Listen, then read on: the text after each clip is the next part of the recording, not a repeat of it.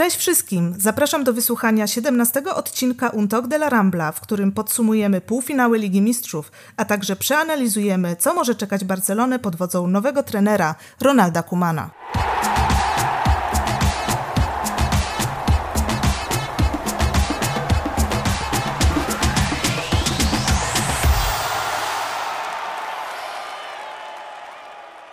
Cześć jeszcze raz, z tej strony Magdalena Rudnicka. Dzisiaj nie ma z nami wyjątkowo Rafała Kowalczyka, dlatego też muszę sobie poradzić w roli jego zastępcy, ale na całe szczęście nie jestem sama. Jest z nami nasz gość specjalny, dziennikarz Nuance Sport, wcześniej Przegląd, wcześniej wspólnie ze mną Ole Magazyn, zajebiste doświadczenia, Dominik Piechota, hej! Cześć, cześć, bardzo mi miło. No tak, Ole Magazyn to były doświadczenia kapitalne nauka niesamowita i myślę, że dużo i radości i stresu w tamtym czasie. I jeszcze do tego wrócimy, prawda? Bardzo chętnie, bardzo sposób. chętnie, tak jest. To mamy niespodziankę, nie wiadomo czy ona jeszcze nie jest publiczna, ale... E, ale upublicznimy kiedyś, więc czeka na to też czekajcie. Słuchajcie, jeżeli chcecie więcej takich ciekawych, fajnych gości i jeżeli chcecie, żeby nasz podcast się rozwijał, to mamy do Was wielką prośbę. Bądźcie aktywni, subskrybujcie, komentujcie, zostawiajcie łapki w górę, udostępniajcie. Każda taka drobna rzecz bardzo pomaga. Jeszcze te słynne dzwoneczki muszą być zaznaczone. Dzwoneczki muszą być, tak, bo nie zawsze są powiadomienia, nawet jeżeli są subskrypcje a około 80% osób oglądających, taka fancy statystyka, nie subskrybuje, dlatego oh, jedno wow. kliknięcie. Tak, ale Bardzo to jest. To. No, ale mimo to zachęcamy, bo naprawdę rozwijamy się wyłącznie dzięki Wam. Zanim przejdziemy do dzisiejszych tematów, przypominam o trwającym konkursie. To już trzeci i ostatni odcinek podcastu, w którym możecie wziąć w nim udział. Do wygrania trzy wuszery do dowolnego wykorzystania w sklepie Zgoda FC o wartości 200, 100 i 50 zł. A co zrobić, żeby je dostać? Wystarczy, że jesteście subskrybentem kanału FC Barsa.com na YouTube i pod jednym z pod trzech ostatnich odcinków podcastu, włącznie z tym, pozostawicie komentarz, w którym napiszecie kto i dlaczego zdobędzie Ligę Mistrzów. Przy czym wasz faworyt nie musi wygrać, żebyście mogli wygrać wy. Liczy się argumentacja, inwencja, kreatywność, a na wasze zgłoszenia czekamy aż do pierwszego gwizdka finału w Lizbonie.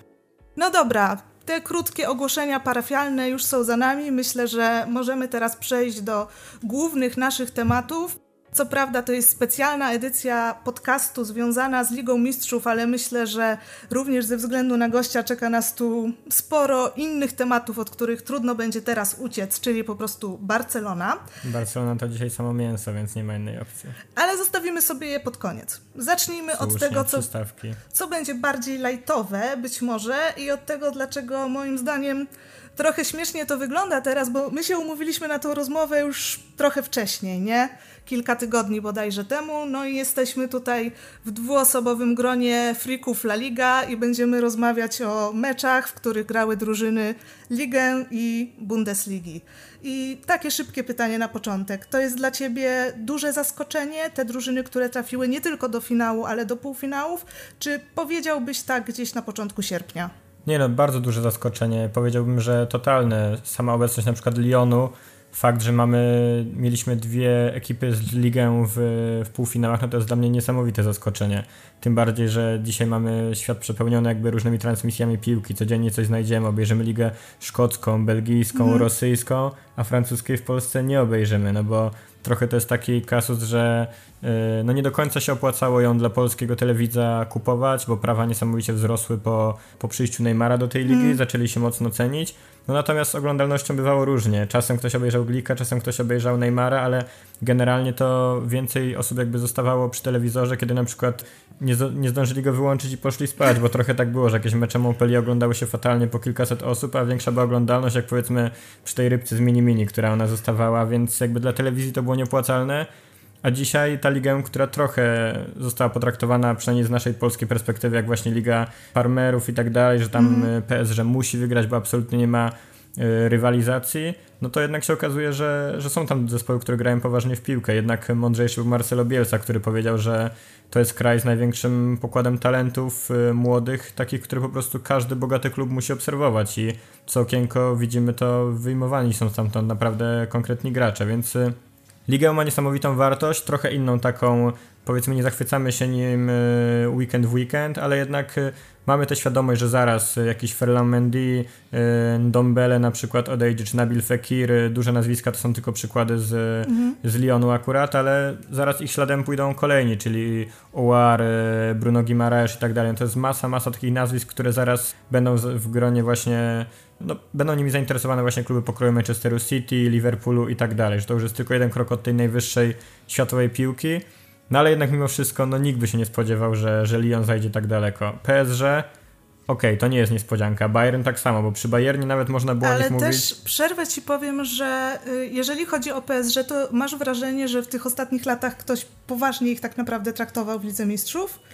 No nie do końca, to znaczy to był taki nadmuchany faworyt bardzo często, tak? Że mówiło się o tym, no rzeczywiście jest ta paka, jest drużyna, są ogromne pieniądze wpompowane i zainwestowane, ale to jest pierwszy sezon, gdzie jest jakaś realna szansa na to, że to się rzeczywiście spłaci pod tym względem. To prawda. Oni nie mieli właśnie tej historii sukcesu, bo były duże nazwiska i zawsze mówiliśmy, że oni mogą zaskoczyć, no bo jednak ten skład y, robi wrażenie ale jak dochodziło do tego, że odpadali w absurdalnych okolicznościach z Manchesterem, czy, czy ta remontada Barcelony, no to wtedy wszyscy na nich patrzyli jak po prostu pośmiewisko w Europie. I rzeczywiście brakowało im takiej poważnej historii, żeby, żeby ktoś w końcu zaczął patrzeć na nich tak poważnie, jak na przykład na nawet jak Barcelona jest w kryzysie, nawet jak y, Manchester City na przykład jest pod formą, to mhm. i tak każdy spojrzy na nich poważnie. Tam nie liczy się forma, liczy się jakby y, marka i to, to nazwiska, które tam istnieją. Natomiast PSG w niezależnie jakiej by było formie, mogłoby wygrywać 10 meczów z rzędu i tak każdy powiedział, łe, ale oni się wyłożą na, na ćwierćfinałach. Mhm. Też warto zauważyć, że to jest pierwsza taka edycja, w której naprawdę zdrowy i gotowy do gry jest Neymar.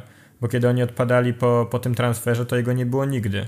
Y, de facto kiedy on naprawdę gra, to przechodzą rundę za rundą, bo kiedy odpadali z Manchesterem United, jego nie było. Kiedy jeszcze sezon tak. wcześniej byli wyeliminowani, on też był kontuzjowany, więc y, nawet zwracam na to uwagę, że jest trochę pechowcem, bo czy to Copa America też wypadł tuż przed turniejem, czy pamiętamy Mundial w jego kraju 2014 rok, y, faulował go wtedy Cuniga i też w ćwierćfinale odpadł, później była ta kompromitacja, więc on naprawdę no miał duże problemy zdrowotne i to mu przeszkadzało, a teraz to jest gość, który no, wprowadził PSG do finału i na moje jest na poziomie indywidualnych występów Messiego, że odszedł z tej Barcelony, żeby nie być w jego cieniu i naprawdę pisze swoją historię. A no właśnie, tutaj też mam taką ciekawostkę, że to jest pierwszy przypadek od sezonu 2004-2005, że nie ma w półfinałach ani Messiego, ani Ronaldo. I z kolei mamy rewelacyjnego Lewandowskiego, który jest niewiele młodszy od tych zawodników, których wymieniłam, ale już w przypadku Neymara ta różnica jest znacząca i teraz już w tej fazie Final Eight rzeczywiście można być naprawdę zadowolonym z tego, co on daje drużynie. Myślisz, że to już jest ten taki etap, że przychodzi taka zmiana pokoleniowa, że już gdzieś w tym topie światowym przestaną pojawiać się rzeczywiście Messi i Ronaldo i to przychodzi czas na Neymara? I czy on to może udźwignąć? Myślę, że dźwignie to totalnie, y, ale na pewno nie będzie miał takiej regularności jak oni, bo oni jednak weszli na, na poziom, który myślę no, przez lata będzie niedościgniony. Nie wydaje mi się, żeby ktokolwiek inny tyle, na kilkanaście lat wręcz podzielił między siebie złotą piłkę no takiej rywalizacji chyba jeszcze w świecie piłki nie było, ale no ta statystyka, którą podałaś jest naprawdę też szokująca, bo ile to już minęło lat. Mm-hmm. My pamiętamy ich e, początki, kiedy, kiedy powiedzmy wchodzili do piłki, zachwycaliśmy się młodymi zawodnikami, a później oni no po prostu zawłaszczyli sobie te rozgrywki na, na lata i nie będzie już chyba czegoś takiego, że Real Madrid i Barcelona będą aż tak na wysokim poziomie, bo teraz widzimy, to są oba kluby, które mają bardzo duże problemy. No i właśnie między innymi przez to, że nie ma już aż tak wyniszczającej rywalizacji jak kiedyś. Ona pewnie była, była straszna, były takie etapy, kiedy, kiedy myśleliśmy sobie, że, że to już jest przesada pod tym względem, jak się traktują, do jakich to rozmiarów urosło. No ale piłkarsko to oni zawsze niezależnie kim się otaczali. To był no niesamowity poziom, bo to mówimy przecież o kilku generacjach, które przemijały, a oni zawsze byli tymi punktami centralnymi, które zawsze jakby te zespoły swoje napędzały. Myślę, że przychodzi mocna zmiana pokoleniowa i to też widać e, nawet po, po takich rzeczach e, marketingowych, że już często młodych ludzi bardziej kręci Kylian Mbappé, ten Neymar też jeszcze, ale to już są bardziej ludzi, którzy patrzą na Dybale, którzy patrzą mm. na no właśnie na Mbappé i, i, raczej szukają tych nowych nazwisk. Już jednak yy, jest nas taka ciekawość, co będzie w tym świecie po. Oczywiście nie można tutaj skreślać yy, Ronaldo czy Messiego, bo to nadal są piłkarze wielcy, którzy no w swoich ligach Messi był najlepszy, Ronaldo gdzieś tam tuż za, za Dybalą, ale jednak pokazywali klasę. natomiast tego wieku już y, nie oszukają. Myślę, że to jeszcze będzie kilka lat y, gry na wysokim poziomie, no ale sam fakt, że dzisiaj Messi strzela 25 goli, mówimy o takim sezonie przeciętnym jak na niego, bo jednak przyzwyczaił nas do jakichś totalnie innych kosmicznych rozmiarów. Jak dzisiaj sobie pomyślimy, że to był rok z 90 bramkami w jego wykonaniu, no to to jest coś, e, do czego nikt myślę nie dojdzie bardzo, bardzo długo. Ale tak, e, uważam, że dzisiaj Lewandowski, e, Neymar, bo gdyby była złota piłka, to pewnie między nimi by się to rozegrało. No to jest jednak takie odważne wejście na scenę i, i trzeba powiedzieć, że w perspektywie tego sezonu to już jest siedzenie przy tym samym stoliku. Uważam, że jak najbardziej to jest ta sama klasa piłkarska, y, co dzisiaj Messi i Ronaldo. Może nawet czasami kawałek wyższa, jeżeli chodzi o formę. Y, no ale to już, to już raczej z każdym sezonem będzie tak, że coraz więcej osób myślę, do tego stołu będzie, będzie dopuszczane, nie będzie aż takiego dystansu. Mhm. I myślę, że trochę trudno teraz tego tematu nie poruszyć. Neymar w Barcelonie, jesteś za, jesteś przeciw, myślisz, że to jest realne? Myślę, że to byłaby najlepsza w ogóle, najlepsze, co mogłoby się wydarzyć, e, jeżeli chodzi o Barcelonę, bo to jest właśnie piłkarz, którego brakowało, czy nadal jeszcze głodny sukcesów.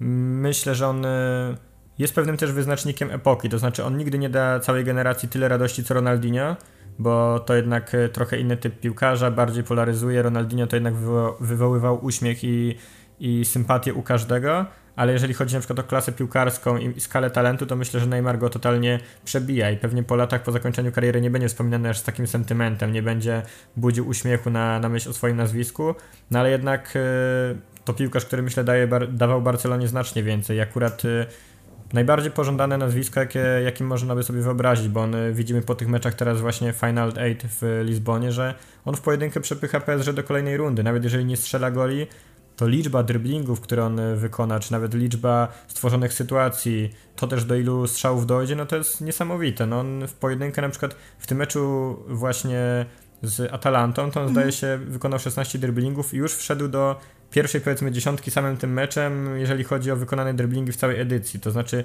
inni potrzebowali kilku spotkań na to, żeby zrobić to, co Neymar wykonał w jednym meczu, więc y, on jest dzisiaj sobie po prostu wszystkim. Jest i najlepszym podającym, i tworzącym sytuację, wykańczającym tutaj musi jeszcze trochę poprawić, ale też do nich dochodzi, więc no Neymar naprawdę mi imponuje to, jak on, jaką wziął odpowiedzialność. Myślę, że mocno też dojrzał. Nawet takie obrazki, jak on napędza atmosferę, gdzieś tam odpali muzykę, stara się, żeby ta grupa była scalona. Zaimponowało mi też, jak Ander Herrera opowiadał, że ten Neymar, który ma jednak wizerunek trochę, trochę jednak e, chłopaka lekkomyślnego, mhm, nieodpowiedzialnego. nieodpowiedzialnego totalnie, to jednak doszło do tego, że jak on był kontuzjowany, to był pierwszą osobą, która wyciągnęła do niego rękę, zaprosił RR na kolację, e, opowiadał mu, co on przeżywał w trakcie kontuzji, dawał mu e, wyrazy wsparcia, otuchy, więc wow, no takiego Neymara aż nie pamiętaliśmy. Jak się tak patrzy na niego wizerunek w mediach, to wszystko, co się mówi o jakichś skandalach, jego prowadzeniu mm. się, to myślę, że to jest mocno krzywdzące.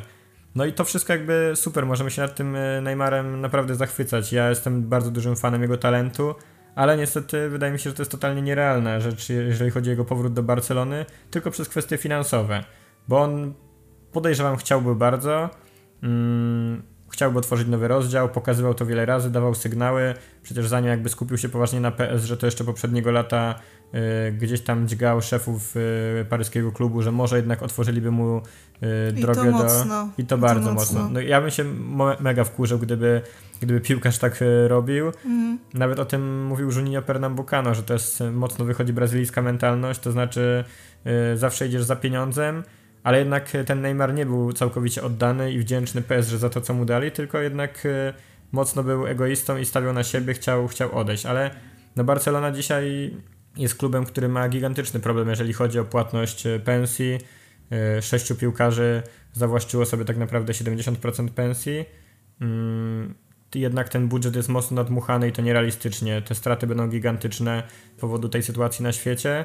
Więc y, wydaje mi się, że no nierealne jest sprowadzenie piłkarza jednego z najlepiej zarabiających na świecie. To naprawdę musiałoby się wiązać y, z wypuszczeniem wszystkich ze starej gwardii poza A no Messi. właśnie, a no ty, właśnie. Ty widzisz, że to jest realne? A wiesz co, przejdźmy do tego dalej, bo myślę, dobrze, że tu dobrze. mamy dużo, że tu mamy dużo do obgadania w związku z tym, co się zmieniło, czyli po prostu przede wszystkim trener, a może i zarząd za jakiś czas. Najpra oby, najprawdopodobniej, oby. Bo, bo raczej innej możliwości nie ma. Ale chciałam jeszcze jedną taką rzecz poruszyć, bo przeskoczyliśmy szybko do takich rzeczy, które tak planowałam dalej, ale jeżeli chodzi o tą Francję i Niemcy również, ja wynotowałam sobie tutaj kiedy zakończyły się rozgrywki ligowe po tym lockdownie, który nastąpił i słuchaj, to wygląda tak. Wznowienie Ligi Mistrzów mieliśmy na początku sierpnia, dokładnie 7. 2 sierpnia kończą się rozgrywki Serie A, czyli no tu tak naprawdę mają tydzień do kolejnego bardzo intensywnego turnieju. Premier League 26 lipca, La Liga 19 lipca. Miesiąc. Bundesliga 27 czerwca i to już jest duża różnica. No i to nasze ligę, tak naprawdę rozgrywki zawieszone 13 marca, już decyzja o tym, że nie dokończymy tego sezonu i on po prostu będzie zamknięty później, no ale od tego 13 nie grali, więc to chyba były najdłuższe wakacje w ich życiu, tak naprawdę. Myślisz, że to mogło być kluczowe, że to miało wpływ, że jednak tak się wybiły francuskie drużyny?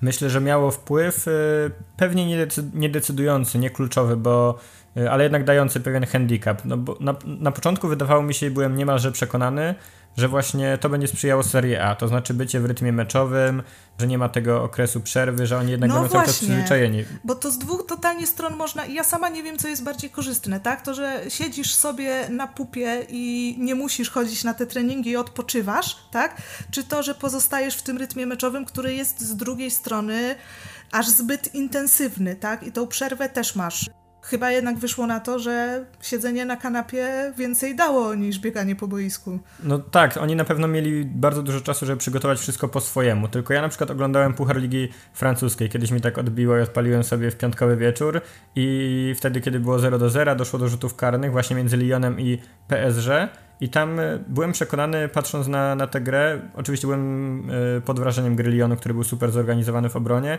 ale patrzyłem na PSG jeszcze bez Kyliana Mbappé kontuzjowanego i miałem wrażenie właśnie, że totalnie brakuje im rytmu meczowego, że gdyby rozegrali 2-3 spotkania więcej o stawkę, to byłby zupełnie inny zespół. I trochę się obawiałem, że właśnie w porównaniu z tą mhm. Atalantą to będzie dla nich e, no coś, co ich pogrzebie, że jednak to będzie duża przewaga. A tutaj jak się okazuje to tak, Juventus od razu odpada, Napoli to samo i Gattuso skarży się na to, że oni są zbyt zmęczeni, chociaż to dla mnie jest duży absurd, bo nie grali już totalnie o nic od kilku meczów mm. i mhm. mieli takie podejście na pół gwizdka, bo mieli zagwarantowaną Ligę Europy. Ich pozycja w tabeli nie mogła się zmienić, więc nawet było widać niepoważne podejście, ale jednak uważa, że tych meczów było za dużo w nogach. No i Atalanta to samo, dała się już, była zmęczona, widzieliśmy 60 minuta, zaczynały się poważne nerwy, zmęczenie, skurcze, yy, fizycznie tak. nie wytrzymywali, dlatego końcówka należała do PSG. Więc jednak rzeczywiście okazuje się, czy też jak spojrzymy na Bayern, czy na Lipsk, gdzie piłkarze pojechali na kolejne wakacje po sezonie, wrócili i totalnie trzy tygodnie mieli możliwość trenowania jak chcieli. Mogli coś zrobić intensywnie, mogli poćwiczyć taktykę, przygotować się jakkolwiek, rozgrywać sobie sparingi, to samo robiło PSG, więc tutaj e, no, okazuje się dopiero ta sytuacja nam pokazała w Lizbonie, że to dało jednak innym przewagę. No, zupełnie się mm. tego nie spodziewałem, myślałem, że to będzie inaczej, no, ale jednak e, nie ma w tym przypadku, że, że ktoś pewien handicap sobie wypracował, bo jednak mógł przez dwa miesiące układać dowolnie plan treningowy, nie musiał myśleć o innych rywalach, tylko totalnie skupić się na tym, więc e, no jednak tej sytuacji nie można by pominąć i nie można by powiedzieć, że nagle tutaj mając tak duże różnice między tym, kto ile trenował, kto ile grał, że to nie miało znaczenia. Mhm. To powiem Ci szczerze, że ja identycznie myślałam. Też mi się tak wydawało. Wydawało mi się, że najbardziej ta sytuacja odbije się na tych klubach, które po prostu całkowicie i to na dłuższy czas wypadną z tego rytmu meczowego. Natomiast teraz, jak rozmawiamy, być może jest właśnie tak, że gdzieś w tym przygotowaniu fizycznym po prostu pojawiło się to okienko, gdzie można było naprawić to, co się stało. Bo wszelkie szczyty formy, wszelkie mikrocykle zaplanowane, one się rozjechały wszystkim. I powiem Ci szczerze, że ja w ogóle na cały ten sezon i nie ujmuję tutaj nic nikomu kto, z tych drużyn, które, nie wiem, zdobyły mistrzostwa w lidze, zdobyły puchary, czy też Bayernowi, który po prostu przejeżdża wszystkich w lidze mistrzów, ale patrzę trochę tak przez palce. Z perspektywy jednak tego, że to jest ta liga, która jest naznaczona sytuacją tego lockdownu i myślę jednak, że do wielu rozstrzygnięć, które ostatecznie mamy, po prostu by nie doszło. To ja się z tą totalnie zgodzę i uważam, że gdyby normalnie było to rozgrywane naturalnym rytmem, to Lyon nie przeszedłby nawet Juventusu, że w tym rewanżu po prostu, jeżeli graliby trzy tygodnie później, to zmietliby ich, y, byliby w zupełnie innym podejściu, a tutaj jednak y, jest też zawsze ten efekt głowy, gdzie czujesz, że masz coś do nadrobienia, czujesz, że musisz coś naprawić, ale też zarazem czekasz kilka miesięcy, ten czas oczekiwania mhm. narasta, więc to też jest coś, co później zmienia twoje podejście, więc jakby totalnie się z tą zgadzam, że pewnie nie byłoby nie wiadomo czy Lipska takiego, ale akurat ten Lyon jest największym zaskoczeniem, więc nie byłoby takiego Lyonu, gdyby nie ta wyjątkowa sytuacja. To jest jak najbardziej beneficjent tego, ale też y, no, to jest trosz, trochę to, o czym y, mówiło w argumentacji swojej France Football, odwołując złotą piłkę, że nie chcielibyśmy dawać przy niczym nazwisku gwiazdki, że to był wyjątkowy, specyficzny sezon. Mm. No owszem był, było jakby więcej takich czynników sprawiających niespodzianki, bo nagle no, nie wygrywali. przy ligach też trzeba by było dawać gwiazdki mistrz kraju za No ten właśnie, w specyficznych rok, okolicznościach, ale kurczę, ja, znaczy ja uważam, bardzo się cieszę, że w ogóle to wszystko dało się dokończyć, że mhm. y, zbudowano takie reżimy i tak dalej, że w normalnych okolicznościach mogliśmy to zagrać w nowym formacie, który też jest ciekawy. Pewnie się nie utrzyma, ale na pewno to była jakaś nowość, y, jakiś taki powiew świeżości, więc akurat ja jestem bardzo zadowolony z całego tego turnieju w Lizbonie. Ale rzeczywiście, tak jak mówiłaś, te niespodzianki to nie wyniknęłyby z tego, gdyby, gdyby nie było nowego formatu. Albo przewidujesz moje pytania, albo mi zaglądasz w komputer. Nie, nie, nie. Nie, nie, nie wiem, które z tego jest możliwe, bo chciałam się zapytać właśnie o to Final Eight. Jakie jest Twoje podejście? To, że Ci się podoba, to już powiedziałeś. Ja z mojej strony przyznam, że bardzo mi się podoba pod względem tego, że naprawdę nie pamiętam, kiedy ostatnio miałam takie emocje związane z wszystkimi meczami Ligi Mistrzów, nawet tymi, które teoretycznie żadnych jakichś tam emocjonalnych odczuć co do takiej drużyny nie mam, a mimo to sam mecz mnie emocjonuje. Czy myślisz, że byłoby dobre, gdyby coś takiego, taka forma się utrzymała? I tutaj myślę też z perspektywy takiej yy, i sportowej, i może nawet trochę marketingowej, bo przecież zdecydowanie promuje to te drużyny, które są po prostu słabsze. No tak jak mówisz, taki Lyon by nie przeszedł. Yy, Myślisz, że to byłaby jakaś nowa szansa tak naprawdę dla tego turnieju, gdzie no, cały czas mówi się o powstaniu Superligi tak troszkę jesteśmy jedną nogą tutaj, drugą nogą tutaj i yy, wszystkim się krótko mówiąc przejadło to, że mieli się to pomiędzy jakimiś tam powiedzmy ośmioma drużynami z tych samych lig. Jak sądzisz? No na pewno jest to bardzo duża świeżość, dawka czegoś nowego. Wydaje mi się, że, że ten, ten format na pewno będzie sprzyjał dużym niespodziankom. Jak zachwycamy się, że był Ajax w półfinale, było Monaco, mm. były takie naprawdę zaskakujące ekipy, teraz Lyon, to wydaje mi się, że to stałoby się regularnością, bo jednak widzimy po tych spotkaniach, że tutaj nie możesz kalkulować, nie możesz mieć takiego spokoju, że zaraz będzie rewanż y, i, i wszystko się poukłada, że możesz przegrać 0-3, a nagle jeszcze pomyśleć o remontadzie. Tutaj już totalnie widać w 60 minucie, czy ty jesteś silny psychicznie, yy, czy jakby ta sytuacja, to, że na przykład wynik nie sprzyja, nie zaczyna ci trochę plątać nóg, bo ten czas jednak już w drugiej połowie ucieka bardzo szybko. Jest ten czynnik zmęczenia i wiesz, że nagle, jeżeli przespałeś pierwsze 45 minut, to już się zaczyna robić nerwowo i nie będzie tak dużo szans, żeby tę sytuację uratować. Jak się ma 180 minut, to jest totalnie inne podejście, mhm. więc y, jeżeli chodzi o skalę emocji, to to totalnie sprzyja. Ja tak samo odpalałem ekipy, których na co dzień nie oglądam i, i zachwycałem się tym, że nagle taki Lyon ma duże szanse, że to RB Lipsk musi być traktowane tak poważnie, bo Atletico, gdyby miało z nimi rewanż, to by jeszcze to ten mecz nie byłby e, i tak jakby nie był najciekawszym z tych wszystkich mhm. spotkań, ale podejście byłoby zupełnie jeszcze inne, jeżeli chodzi o ekipę Diego Simone. Oni by czekali na to swoje kunktatorstwo, e, liczyli tylko, że to będzie rozgrywane w końcówce, wtedy to rozstrzygną na swoją korzyść, a tutaj trzeba było grać dynamicznie w piłkę i Lipsk to pokazał, więc naprawdę, jeżeli chodzi o skalę emocji, to bardzo to sprzyja tym, tym rozgrywkom. Jeszcze to, że nie jesteśmy przyzwyczajeni jest też duża specyfika. Mamy sierpień, y, jest bardzo ciepło. Raczej oglądamy właśnie te mecze w każdy dzień tygodnia, bo to jest i sobota, mhm. i, i czwartek, i piątek. Myślę, że na pewno wszystkich to zaciekawiło, bo jeszcze takich rzeczy nie oglądaliśmy. Trochę nam to przypomina format mundialowy, kiedy można się gdzieś spotkać Właśnie. na powietrzu, po, mhm. szukać jakiejś strefy kibica, jakiegoś takiego oglądania w towarzystwie. No dlatego to przy, przynosi takie pozytywne emocje. Czy to zostanie? Nie obraziłbym się, gdyby tak było, natomiast y, sprawa myślę sprowadzi się do bardzo prostych rzeczy, czyli czy da się na tym więcej zarobić. Zawsze to y, podejrzewam, że już teraz ludzie jakieś tęgie głowy w UEFA pracują nad tym, żeby dwie ekipy rozpisały plany potencjalne zysków, jak to można mhm. sprzedać, jak to można przedstawić. No i finalnie decyzja zapadnie tam, gdzie więcej można wyciągnąć euro, to, to tak pewnie się to potoczy. Jeżeli ktoś nagle wpadnie na jakiś genialny plan, jak mniej meczów, sfinansować bardziej, to znaczy zarobić więcej, no to, to myślę, że taka formuła mogłaby się nawet przyjąć. Nie wiem, czy na przykład jako Final 8, y, czy może na przykład y, finałowa szesnastka, ale to jest naprawdę bardzo fajne, że przyjeżdża się na neutralny teren, wszystkie bazy treningowe dookoła miasta są gdzieś zajęte i naprawdę myślę, że to dodaje takiego dodatkowego smaczku, że czuję trochę o co chodzi też w, teraz w siatkówce, w koszykówce i tak mm. dalej, kiedy wszyscy na to przyjeżdżają, bo to naprawdę buduje takie napięcie. Jedziesz jakby na wielki turniej, tylko tak. w znacznie mniejszym wydaniu. Ale właśnie patrz, bo, bo mówisz tutaj o potencjalnych zyskach z tego, no to weźmy pod uwagę to, że teraz nie było kibiców. Tak, co prawda ludzie gdzieś tam przyjeżdżali do Portugalii rzeczywiście z tych drużyn po to, żeby w sumie nie wiem, być bliżej tak naprawdę wyłącznie. Pubach, obejrzeć bar. Tak. Powiem Ci szczerze, że ja mocno chciałem jechać i byłem już od kroczek od kupienia biletów, ale finalnie coś mnie powstrzymało, bo też miałem taką myśl, na stadion nie wejdziesz, bo akurat y, UEFA bardzo restrykcyjnie, restrykcyjnie też podeszła do samych akredytacji, że to były tylko media mające wykupione y, prawa, prawa. do mhm. komentowania meczów, zresztą komentatorzy też pojedynkę niektórzy komentowali, czy właśnie media klubowe, czy takie mocno jakby związane z, z drużyną. Więc też nawet tę obecność dziennikarzy mocno ograniczyła, ale nawet mi sama taka wizja pojechania do Lizbony, pokręcenia się po tym pięknym mieście, obejrzenia tego meczu w barze już tak działała na wyobraźnię, więc y, wyobrażam sobie, że to byłoby tak jak na Euro czy na Mundialu, że po prostu wszyscy by zjechali, gdyby mogli i kibice... No właśnie, i to, a to są przychody, krótko To są mówiąc. przygody i to znacznie wyższe niż taka organizacja finału. No, może ktoś do, też do takiego wniosku dojdzie. Ja na początku byłam sceptykiem przy samym tym, jak się dowiedziałam. Po prostu na zasadzie takiej, o Boże, jak to będzie inaczej? Nie, nie, nie podoba mi się to.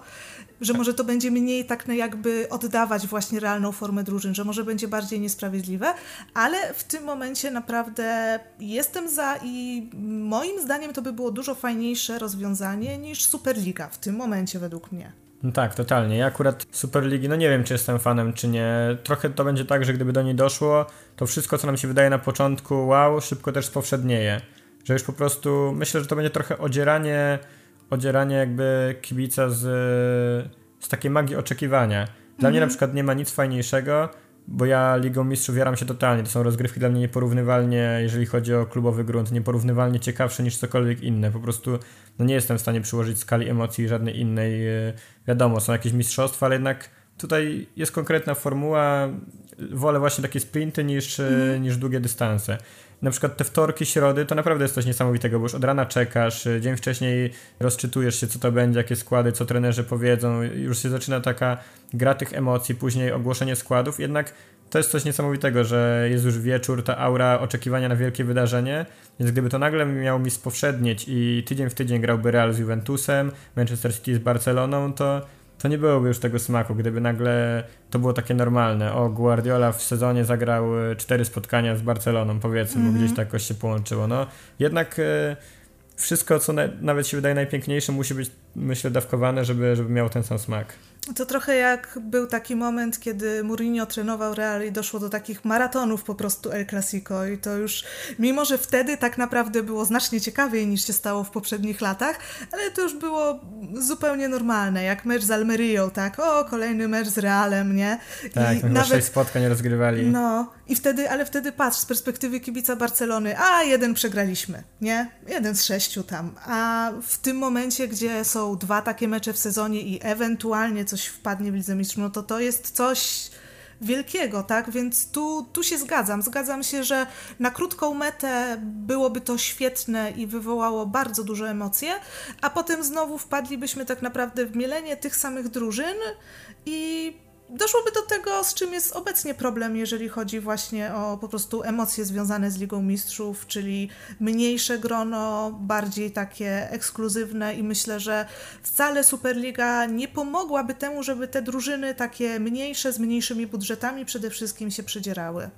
No tak, bo to też e, w ogóle ta edycja trochę nam e, pokazała bo między innymi, między innymi słowa teraz mi przychodzą do głowy e, prezydenta Juventusu, pana mm. Anieliego, który mówił, że takie kluby jak Atalanta to nie powinny mieć w ogóle miejsca w Lidze Mistrzów, bo historycznie na to nie zasługują, że ich jakby sezon to był jednorazowy wystrzał, a to też później pokazało, że ta Atalanta zostawiła znacznie lepsze wrażenia w ogóle niż Juventus i zaszła też dalej, więc to jest jakby tak jak zbudujesz super ekipę na jeden sezon, ktoś cię później oczywiście rozkupi, bo zaraz Atalanty nie będzie, e, chciałbym, żeby tak nie było, ale jednak mm. to taka wydaje się rzeczywistość, nie będzie też Lyonu, bo już y, z miejsca Juninho Pernambucano, dyrektor sportowy, powiedział, że odchodzi Awar, że odchodzi Musa Dembele, że nie da się ich zatrzymać, więc to jest takie w tych drużynach wieczne, rokroczne budowanie. Ktoś ci mm. odchodzi, musisz jakoś y, to kleić, więc akurat ja jestem fanem, żeby dochodziło do takich sentymentalnych historii, do tych niespodzianek. Ty właśnie fajnie zauważyłaś ten wątek, że nawet na koniec sezonu, jak była rywalizacja Barcelony i Realu Madryt, to wiele osób wskazywało, a bo w El Clasico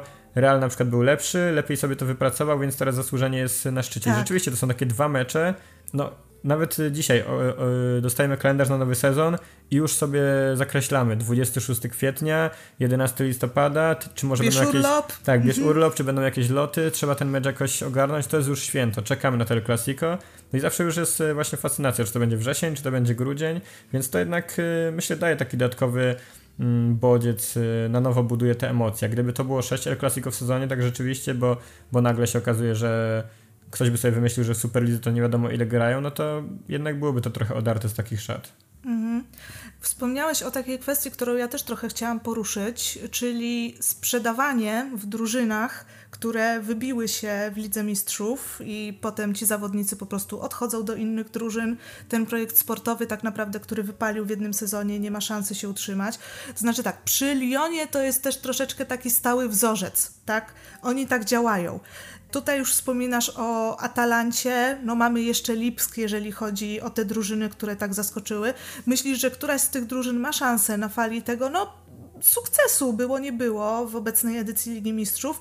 Jednak utrzymać projekt sportowy i pójść gdzieś dalej, czy wszystko to tak jak na przykład Ajax po prostu pójdzie po całej Europie i, i zacznie się od nowa? Największe szanse ma Lipsk, bo zwyczajnie ma największe zaplecze finansowe za sobą wiadomo, że są jakby dwa aspekty. Raz, czy ty musisz sprzedawać, te kluby zazwyczaj nie muszą, bo, bo po prostu no nie muszą sprzedawać z tego względu, że te pieniądze i tak zawsze mają właśnie, ale mhm. mm, powiedzmy najtrudniejsze w tym wszystkim jest e, zatrzymanie piłkarza, bo jednak pieniądze to jedno, ale też zawsze działa na wyobraźnię. Grać na Camp Nou, grać nawet na Etihad dzisiaj, trenować z Guardiolą, czy pójść do Chelsea, Manchesteru, Liverpoolu, do wielkich klubów. No Lipsk e, pokazał się super, mimo że grał bez najlepszego piłkarza Timo Wernera i stracił go nie dlatego, że nie mógł mu zagwarantować niesamowitych pieniędzy, tylko on po prostu już potrzebował jakiegoś renomowanego klubu mm-hmm. i, i pójścia dalej, więc y, ambicjonalnie czasem taki piłkarzy nie da się zatrzymać, natomiast Lipsk ma tę przewagę, że może zaoferować duże pieniądze.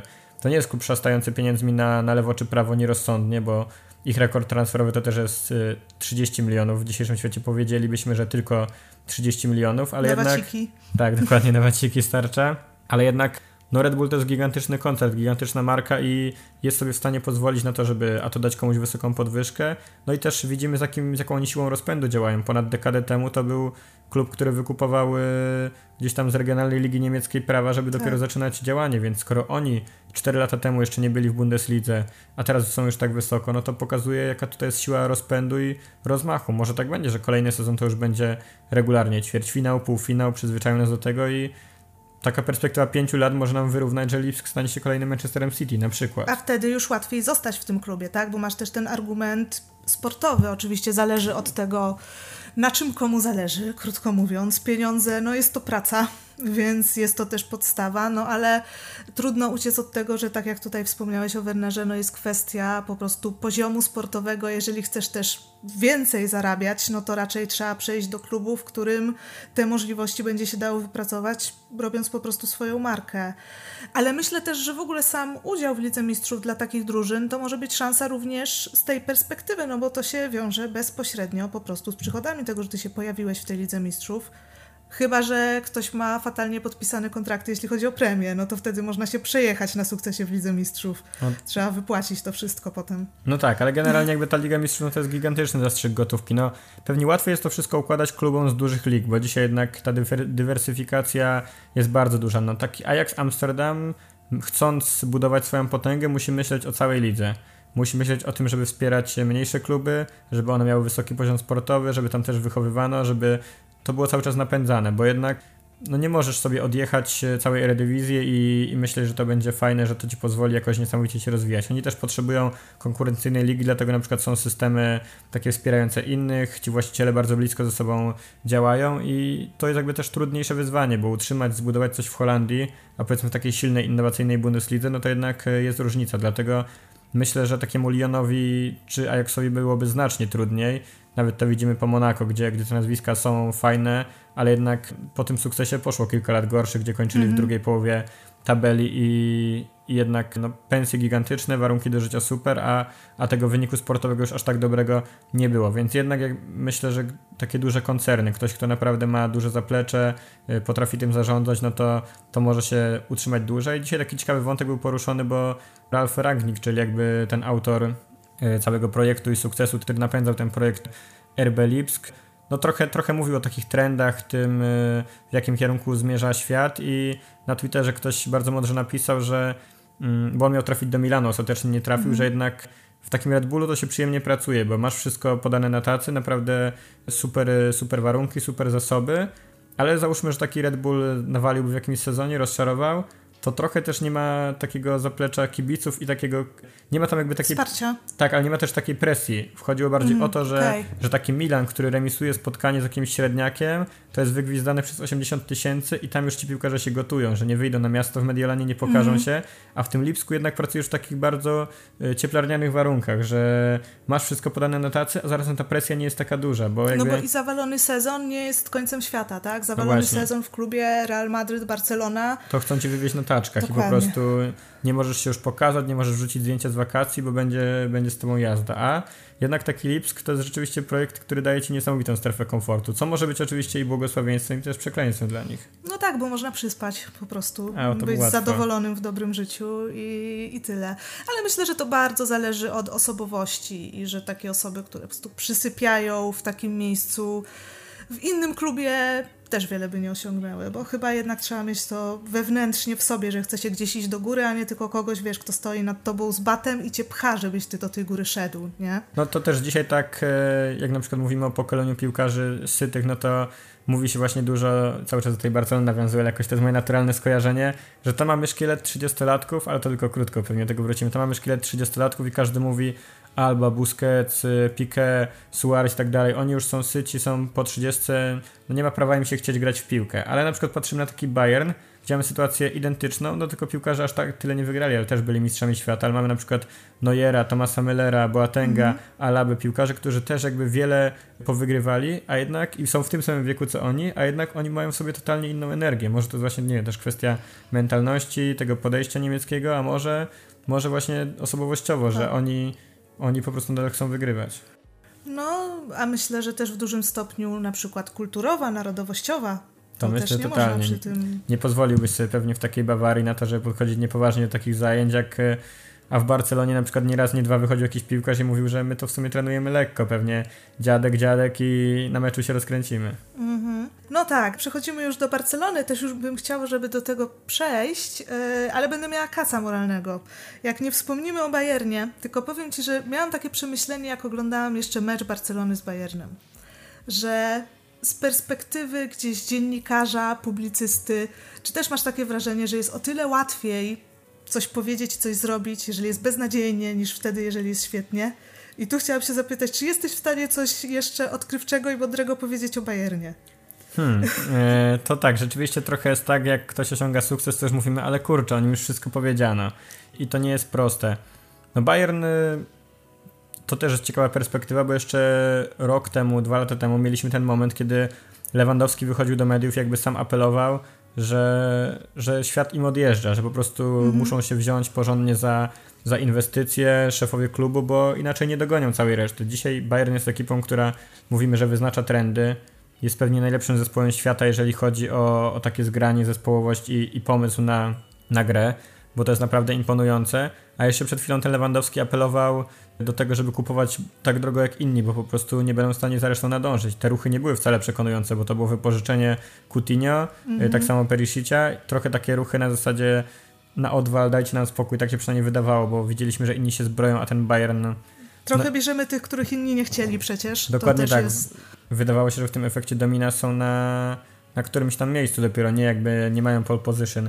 A dzisiaj y, to wydaje się, że to jest klub, który no najlepiej najlepiej na pewne rzeczy się przygotował, bo patrzymy na przykład na takie odkrycia jak Alfonso Davis i mówimy wow, ale ktoś miał, ale ktoś miał nosa, kiedy jeszcze przed chwilą to było jakby powód do śmiechu, że y, oni nie przygotowują się poważnie na odejście Riberiego i Robena, mm -hmm. tylko biorą jakiegoś Kanadyjczyka, który młodo zadebiutował i on ma ich niby ratować, więc y, to też pokazuje, jak w piłce zmieniający się czas i perspektywa wszystko totalnie odwracają, no bo coś, czego przed chwilą się śmialiśmy, teraz jest jakimś y, punktem bohaterskim. Czy coś o Bayernie jeszcze można niesamowitego powiedzieć? No właśnie zastanawiam się, no najciekawsze jest to, że na przykład osiągnęli taki sukces z trenerem, który de facto nawet nie nazywa się trenerem, ani nim nie był. Niektórzy się śmiali, że przecież Bayern gra bez trenera, a tu jest trochę taki typ model Zinedina Zidana, który tak. potrafi genialnie piłkarzy jakby pobudzać, inspirować, krótki przekaz, żeby ich nie zanudzić, konkrety, ale jednak to działa. No i to pokazuje, że na najwyższym poziomie nie możesz brać Lewandowskiego, yy, chociaż Pep Guardiola może sobie na to pozwolić i nie możesz mu mówić yy,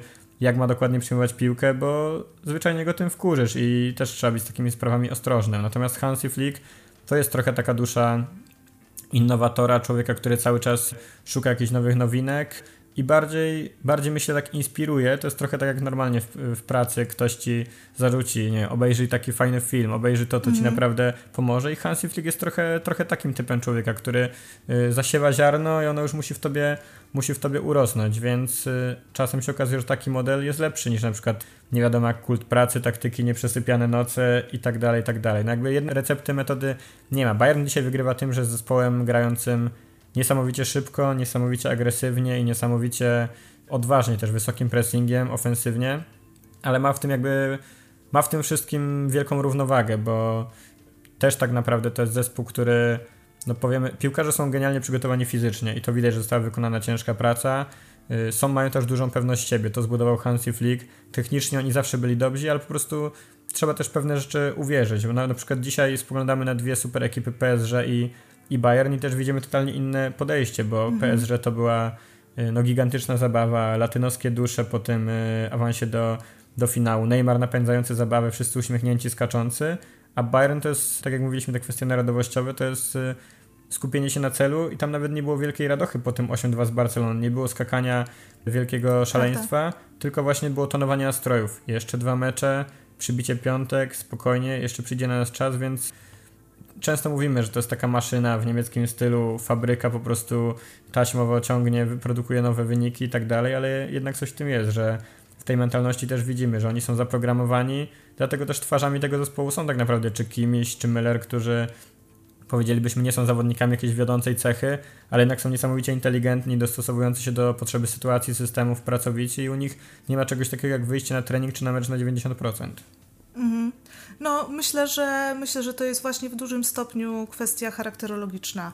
To by się moim zdaniem w żadnym razie nie sprawdziło. Taki typ zarządzania, no tak myślę, że to trzeba określić w takich klubach jak Barcelona, czy jak Real, czy jak PSG.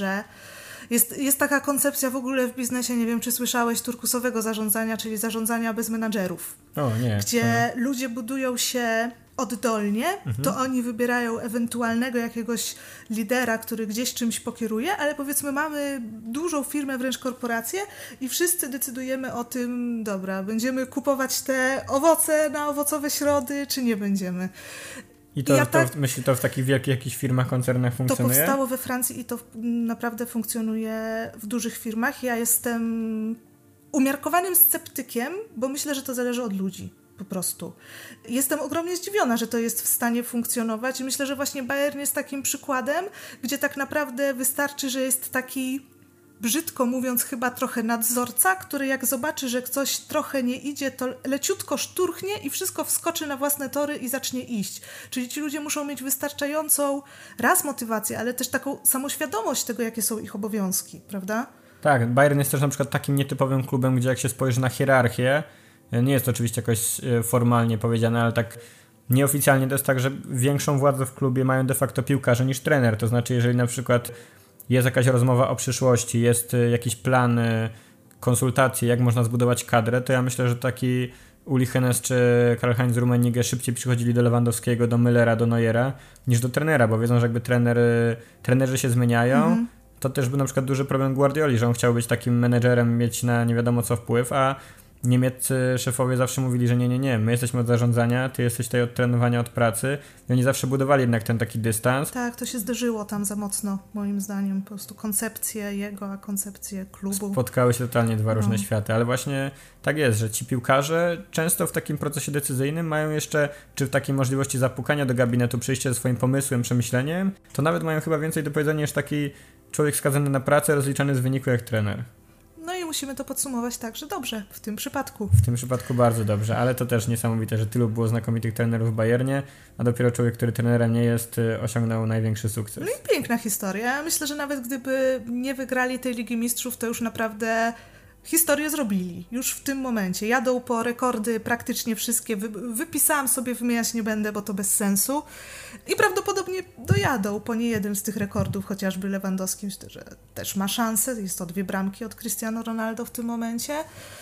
Ale nawet gdyby nie, nawet gdyby nie, to myślę, że naprawdę tak zaimponowali i zrobili takie wrażenie, i zwłaszcza jeżeli chodzi o rolę Flika w tym wszystkim, że to już jest sukces. No dobra, ale jesteśmy przy trenerze, musimy już przejść do tego, do czego musimy, czyli do Barcelony, ale zanim jeszcze ruszymy nowego trenera, to chciałam tak szybko zamknąć jakoś temat Setiena. Jak podsumowujesz jego etap w Barcelonie?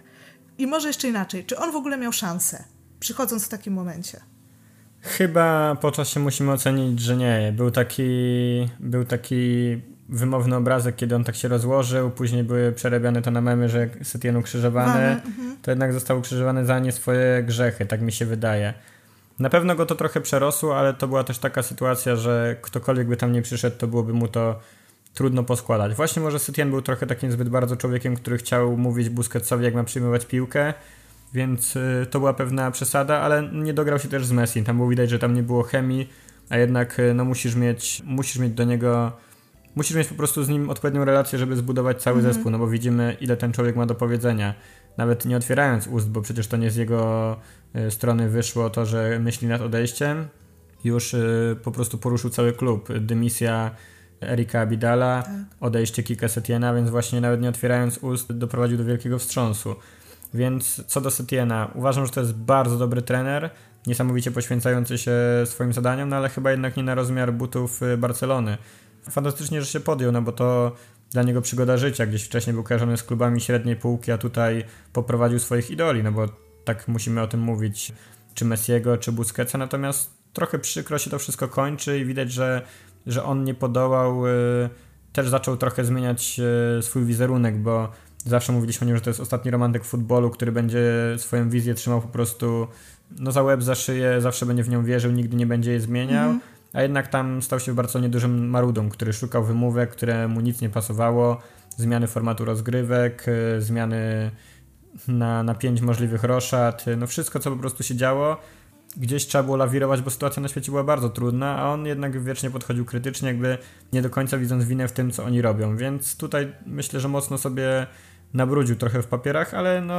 No właśnie, to, to mnie zastanawia, bo mówisz, że fajnie, że się podjął, że no największa przygoda w jego karierze no bez wątpienia, ale z drugiej strony odchodzi z no, największą porażką, wstydem, hańbą, nie wracajcie do domu od dziesięcioleci, tak? I czy to nie wpłynie na to, że ci, którzy tak naprawdę gdzieś poznali go właśnie tutaj, y, ludzie gdzieś tam nie z kręgów La Liga, którzy nie wiedzieli, co osiągnął gdzieś tam w Betisie chociażby, y, będą patrzeć, to jest ten gościu od 8-2? Tak pewnie będzie, ale zawsze w życiu jest myślę druga szansa. Znaczy mocno w to wierzę. najlepszym przykładem tego jest y, Julen Lopetegi, który został określony mm -hmm. największym przegranym w ogóle roku. No, no bo tak, no. Y, z reprezentacją Hiszpanii nie przegrał meczu, a został zwolniony przed, y, przed turniejem, który się w sumie sam z niego wypisał, rozmawiając z Realem Madryt. W Realu Madryt wydawało się, że wskoczył na zbyt wysokiego konia i sobie nie poradził, a też po prostu dostał zespół w bardzo trudnym momencie, kiedy trochę tak jak mówimy w przypadku Setiena, czy tam w ogóle dało się osiągnąć dobry wynik. No bardzo to było trudne i te warunki były niewdzięczne do pracy, ale jednak e, pokazuje, że w życiu jest druga szansa. Dzisiaj jest największą trenerską rewelacją, człowiekiem odbudowanym, który poprowadził Sevillę być może zaraz do Ligi Europy, ale zrównał się punktami oby, z... Oby, oby. Też mocno trzymam kciuki. Zrównał się punktami z Atletico, wszedł na wysoki pułap, zapewnił Ligę Mistrzów, no i zbudował genialny projekt, który też zaraz będzie rozkupiony, więc myślę, że właśnie w takim klubie pokroju, pokroju Sevilla może Kike Setien zdobyć jakby odbudowę i, i takie, taką drugą szansę. No nie jest to już człowiek też najmłodszy, ale mhm. trochę mi się wydaje, że jednak trzeba w życiu łapać byka za rogi i próbować takich szans, bo później nie ma chyba nic gorszego niż się gdzieś tam już położyć po swojej karierze, pomyśleć i powiedzieć, kurczę, nie wykorzystałem mhm. mieć do siebie jakieś poczucie, że bało się ryzyka i tak dalej. No moim zdaniem bardzo dobrze się tego podjął. Oczywiście trochę sobie wizerunek popsuł, ale gdyby nie to, to też świat by o nim nie mówił. Byłoby tak, że byłby trochę takim mitem, powiedzmy za 20-30 lat z Tavern, że ktoś by mówił, a pamiętacie, mogliśmy wtedy zatrudnić Setiena, on przecież grał tak pięknie, Las Palmas, Betis, y, aż, ale to się oglądało i to by zostało tak trochę w niedopowiedzeniu. Może to by było tak, że to by do siebie co jakiś czas wracało i co jakiś czas ktoś by powiedział, że ten Setien to był ostatni romantyk futbolu. Ale jednak inną rzeczą jest później mieć kontakt z Messi, z Busquetsem, y, sprawdzić się z tymi ludźmi, zobaczyć, y, to też zawsze wzbogaca, myślę, każda porażka, więc takiej, wydaje mi się, ludzkiej strony zawsze jak i doświadczeniowej, zawsze jak ma się taką szansę, nawet jest tam jakaś wizja niepowodzenia, to, to chce się to łapać i to chyba też w ogóle jest takie płynne przejście do Kumana, bo...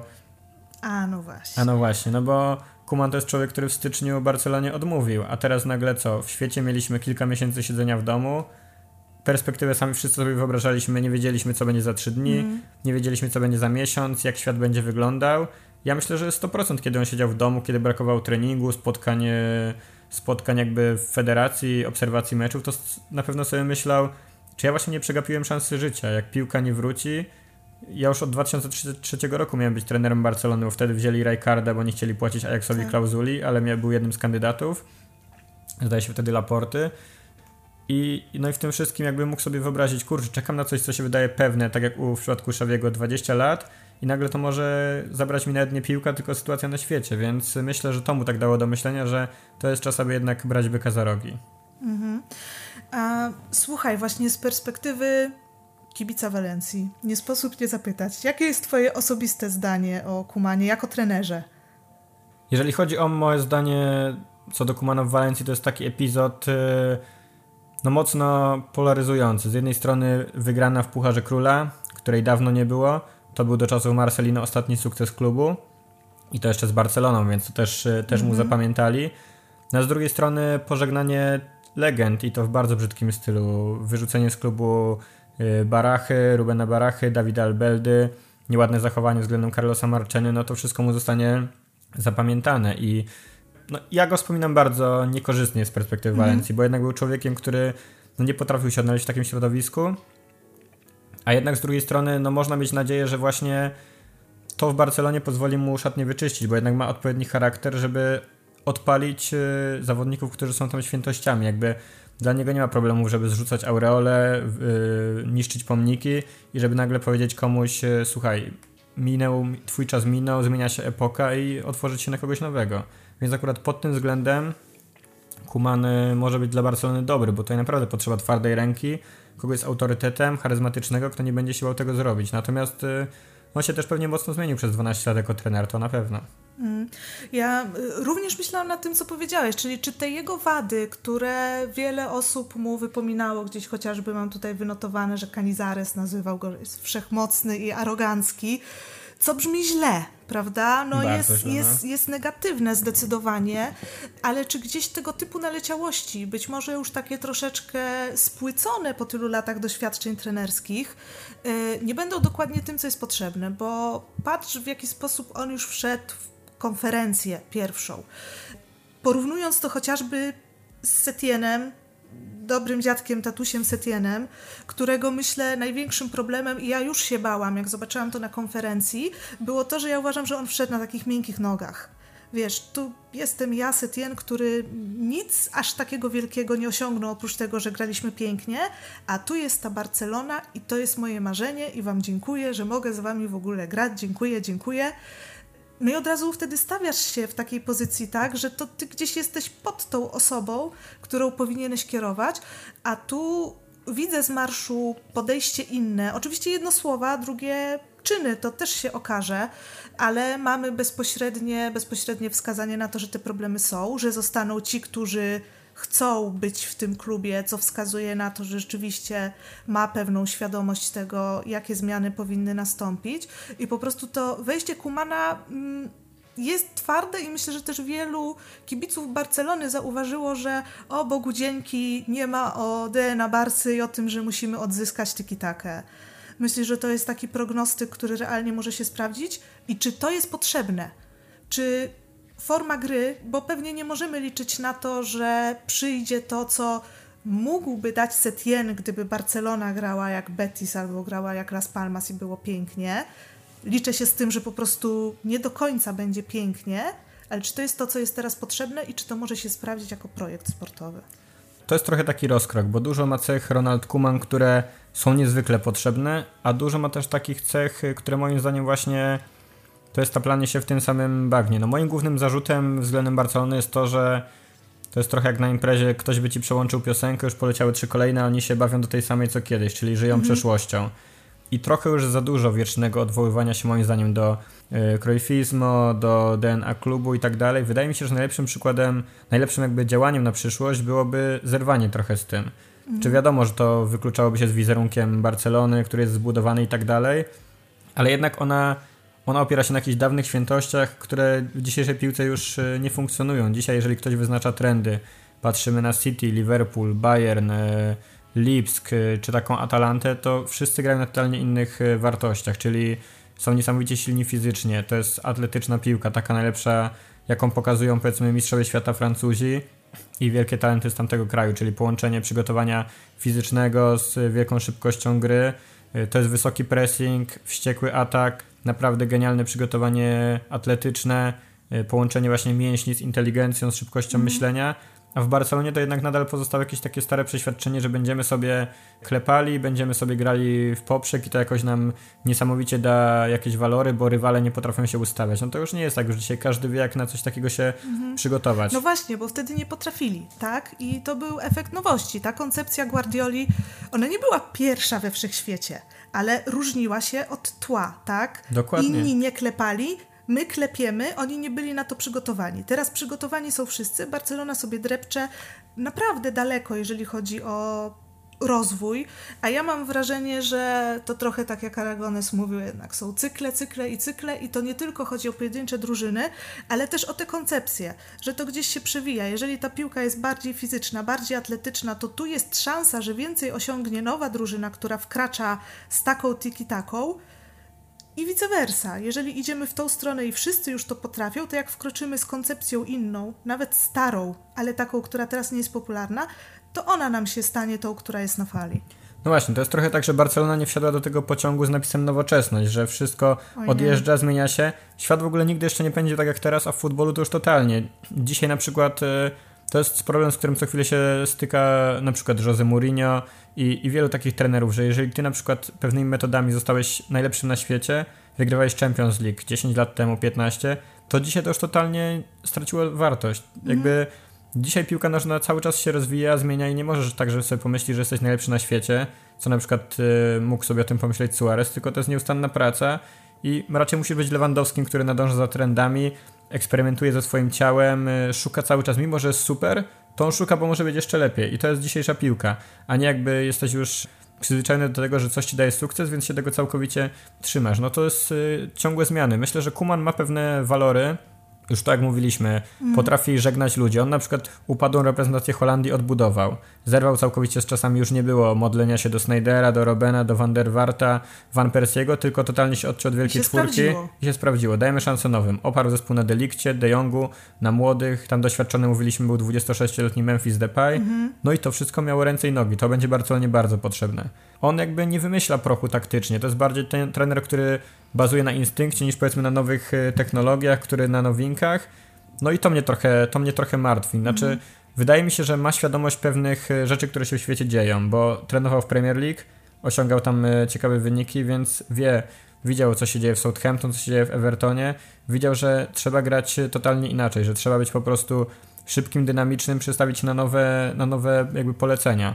No i to jest jakby jakiś jego duży, duży atut, bo jest wielkim człowiekiem, potrafi, jeżeli chodzi o taką postać y, i szacunek, y, potrafi jakby obcować w świecie wielkich, ma świadomość tego, co się w świecie dzieje, y, jeżeli chodzi o trendy, ale trochę jeszcze trochę mam obawy, że to będzie za bardzo odwoływanie się ciągłe do przeszłości, do tego, że jest wielką taką figurą, postacią w klubie i, i, trochę za bardzo będzie nadal jednak życie tym, co było. Właśnie chciałem, żeby to było totalne odcięcie się, pójście w nowym kierunku, bardziej w kierunku Nagelsmanów, czyli ludzi, mhm. którzy wyznaczają trendy, niż tych, którzy za nimi gonią. No ale niestety mm, no jednak chciał się odwołać e, Bartomeu do, tego, do tych klubowych świętości, to jest dzisiaj taka sytuacja, którą trudno wyrokować. Jeżeli on, jeżeli on się dogada z Messi, no to pewnie będzie miał szansę na zrobienie ciekawego projektu, ale też zaraz no ten sezon... właśnie, ale czy się doga- myślisz, że będzie miał autorytet, y, żeby być w stanie się dogadać?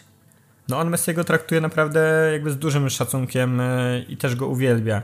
To jest trochę tak, że jak y, wypowiadał się kilka miesięcy temu, to mówił o Busquetsie, o Piqué, o Albie, jako ludziach, których po prostu trzeba pożegnać od razu, że mhm są po 30 i nie mogą mieć innych praw niż, niż reszta. A jednak o Messi mówił, że to jest taki piłkarz, który musisz mu dać swobodę, musisz mu całkowicie zaufać, więc myślę, że raczej nie będzie tak, że Kuman się nagle pożre z Messim. Raczej mm. podejdzie do niego z takim należytym szacunkiem, pokorą, wzajemnym. No i będą chcieli razem coś ustalić, więc tutaj bym się o to akurat nie bał. Ale pytanie, czy on jakby dostanie środki i możliwości, żeby otoczyć Messiego odpowiednimi ludźmi, bo tutaj sezon startuje zaraz. Trzeba tak naprawdę zmieniać, trzeba coś e, testować, stawiać na nowe nazwiska a nie ma jakby na to do końca funduszów i funduszy i możliwości, bo najpierw trzeba kogoś pożegnać, więc ja mam obawy, że przystąpi ta sama Barcelona, a nie jakaś całkowicie zmieniona, że to nadal będzie Barcelona Rakiticia, Artu, yy, Arturo Vidala i raczej takich ludzi, niż tak jak sobie na przykład wyobrażamy, czyli ze środkiem powiedzmy yy, Pjanić, yy, Frankie de Jong i Ricky Puig, bo na przykład możemy sobie wyobrazić, że to będzie nowe otwarcie i ekipa akurat yy, Ronaldo Kumana. Takie różne teorie są. On będzie chciał grać 4-3-3, stawić na, stawiać bardziej na młodzież, otworzyć się na Rickiego Płcia, na Ansu Fatiego, więc to powinien być jakiś taki kierunek. Jeżeli ten sezon się zacznie, to nadal będzie zastanowienie, czy będzie grał Rakitic, czy, czy Vidal, czy, czy Suarez w ataku, no to, to nie będzie jakby żadna zmiana, to będzie tylko bardziej maskowanie trupa, bo trochę tak sportowo Barcelona wygląda od lat. No ja właśnie mam dużą nadzieję, chociaż trudno mi jest też w tym momencie powiedzieć. Nie mam takiego jasnego stanowiska, czy to jest super decyzja, czy jestem niezadowolona z tej decyzji, ale mam nadzieję, że właśnie osoba Kumana pozwoli na to, że pójdą te, brzydko mówiąc, czystki. I bo bez tego po prostu tak jakby nie, no, nie będzie projektu sportowego, bo gdzieś też te pieniądze, które biorą zawodnicy, którzy powinni być jeżeli być, to najwyżej rezerwowymi, ale nie będą rezerwowymi pobierając takie pensje tak naprawdę i nikogo wtedy nie stać na to, żeby kogoś innego zatrudnić. Mam nadzieję, że te miejsca się zwolnią. A myślisz, że gdzieś może pojawić się jakiś zaciąg holenderski z tych młodych chłopaków, których on trenował, że jest możliwe, że uda mu się kogoś wyciągnąć? No jest na to pewnie szansa, że się w tym kierunku zwróci. On nawet sam powiedział na konferencji, że te związki Holandii z Barceloną są zawsze bardzo bliskie, zażyło intensywne i będzie się do nich odwoływał, więc jeżeli pojawi się na to szansa, to na pewno będzie próbował kogoś, kogoś wyciągnąć. Trochę teraz nie widzę jakby żadnego takiego nazwiska z miejsca, które mógłbym wskazać, że o, z tej kadry będzie chciał kogoś zabrać. Na pewno będzie wokół Frankiego de Jonga i właśnie Messiego budował zespół.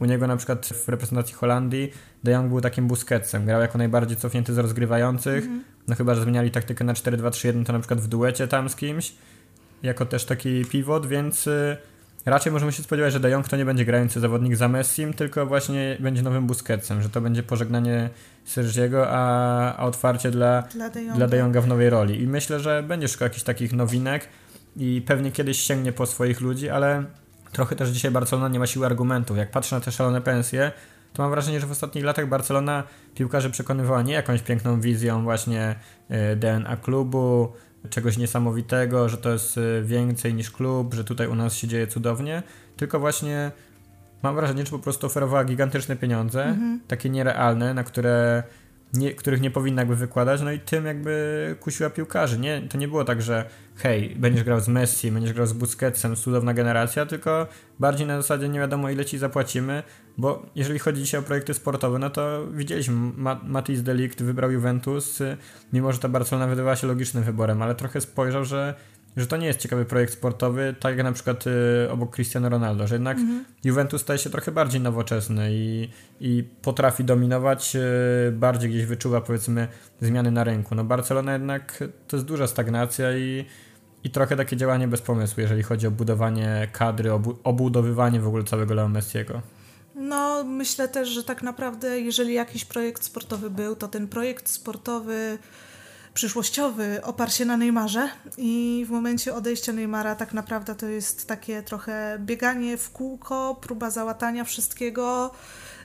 No i okazało się, że jest pustka, więc no kwestia tego, ile będziemy musieli poczekać na to, aż pojawi się koncepcja, czy będzie to możliwe z obecnym zarządem, czy będzie to możliwe w ogóle z fontem na przykład, jeżeli wygra wybory, a pewnie wygra.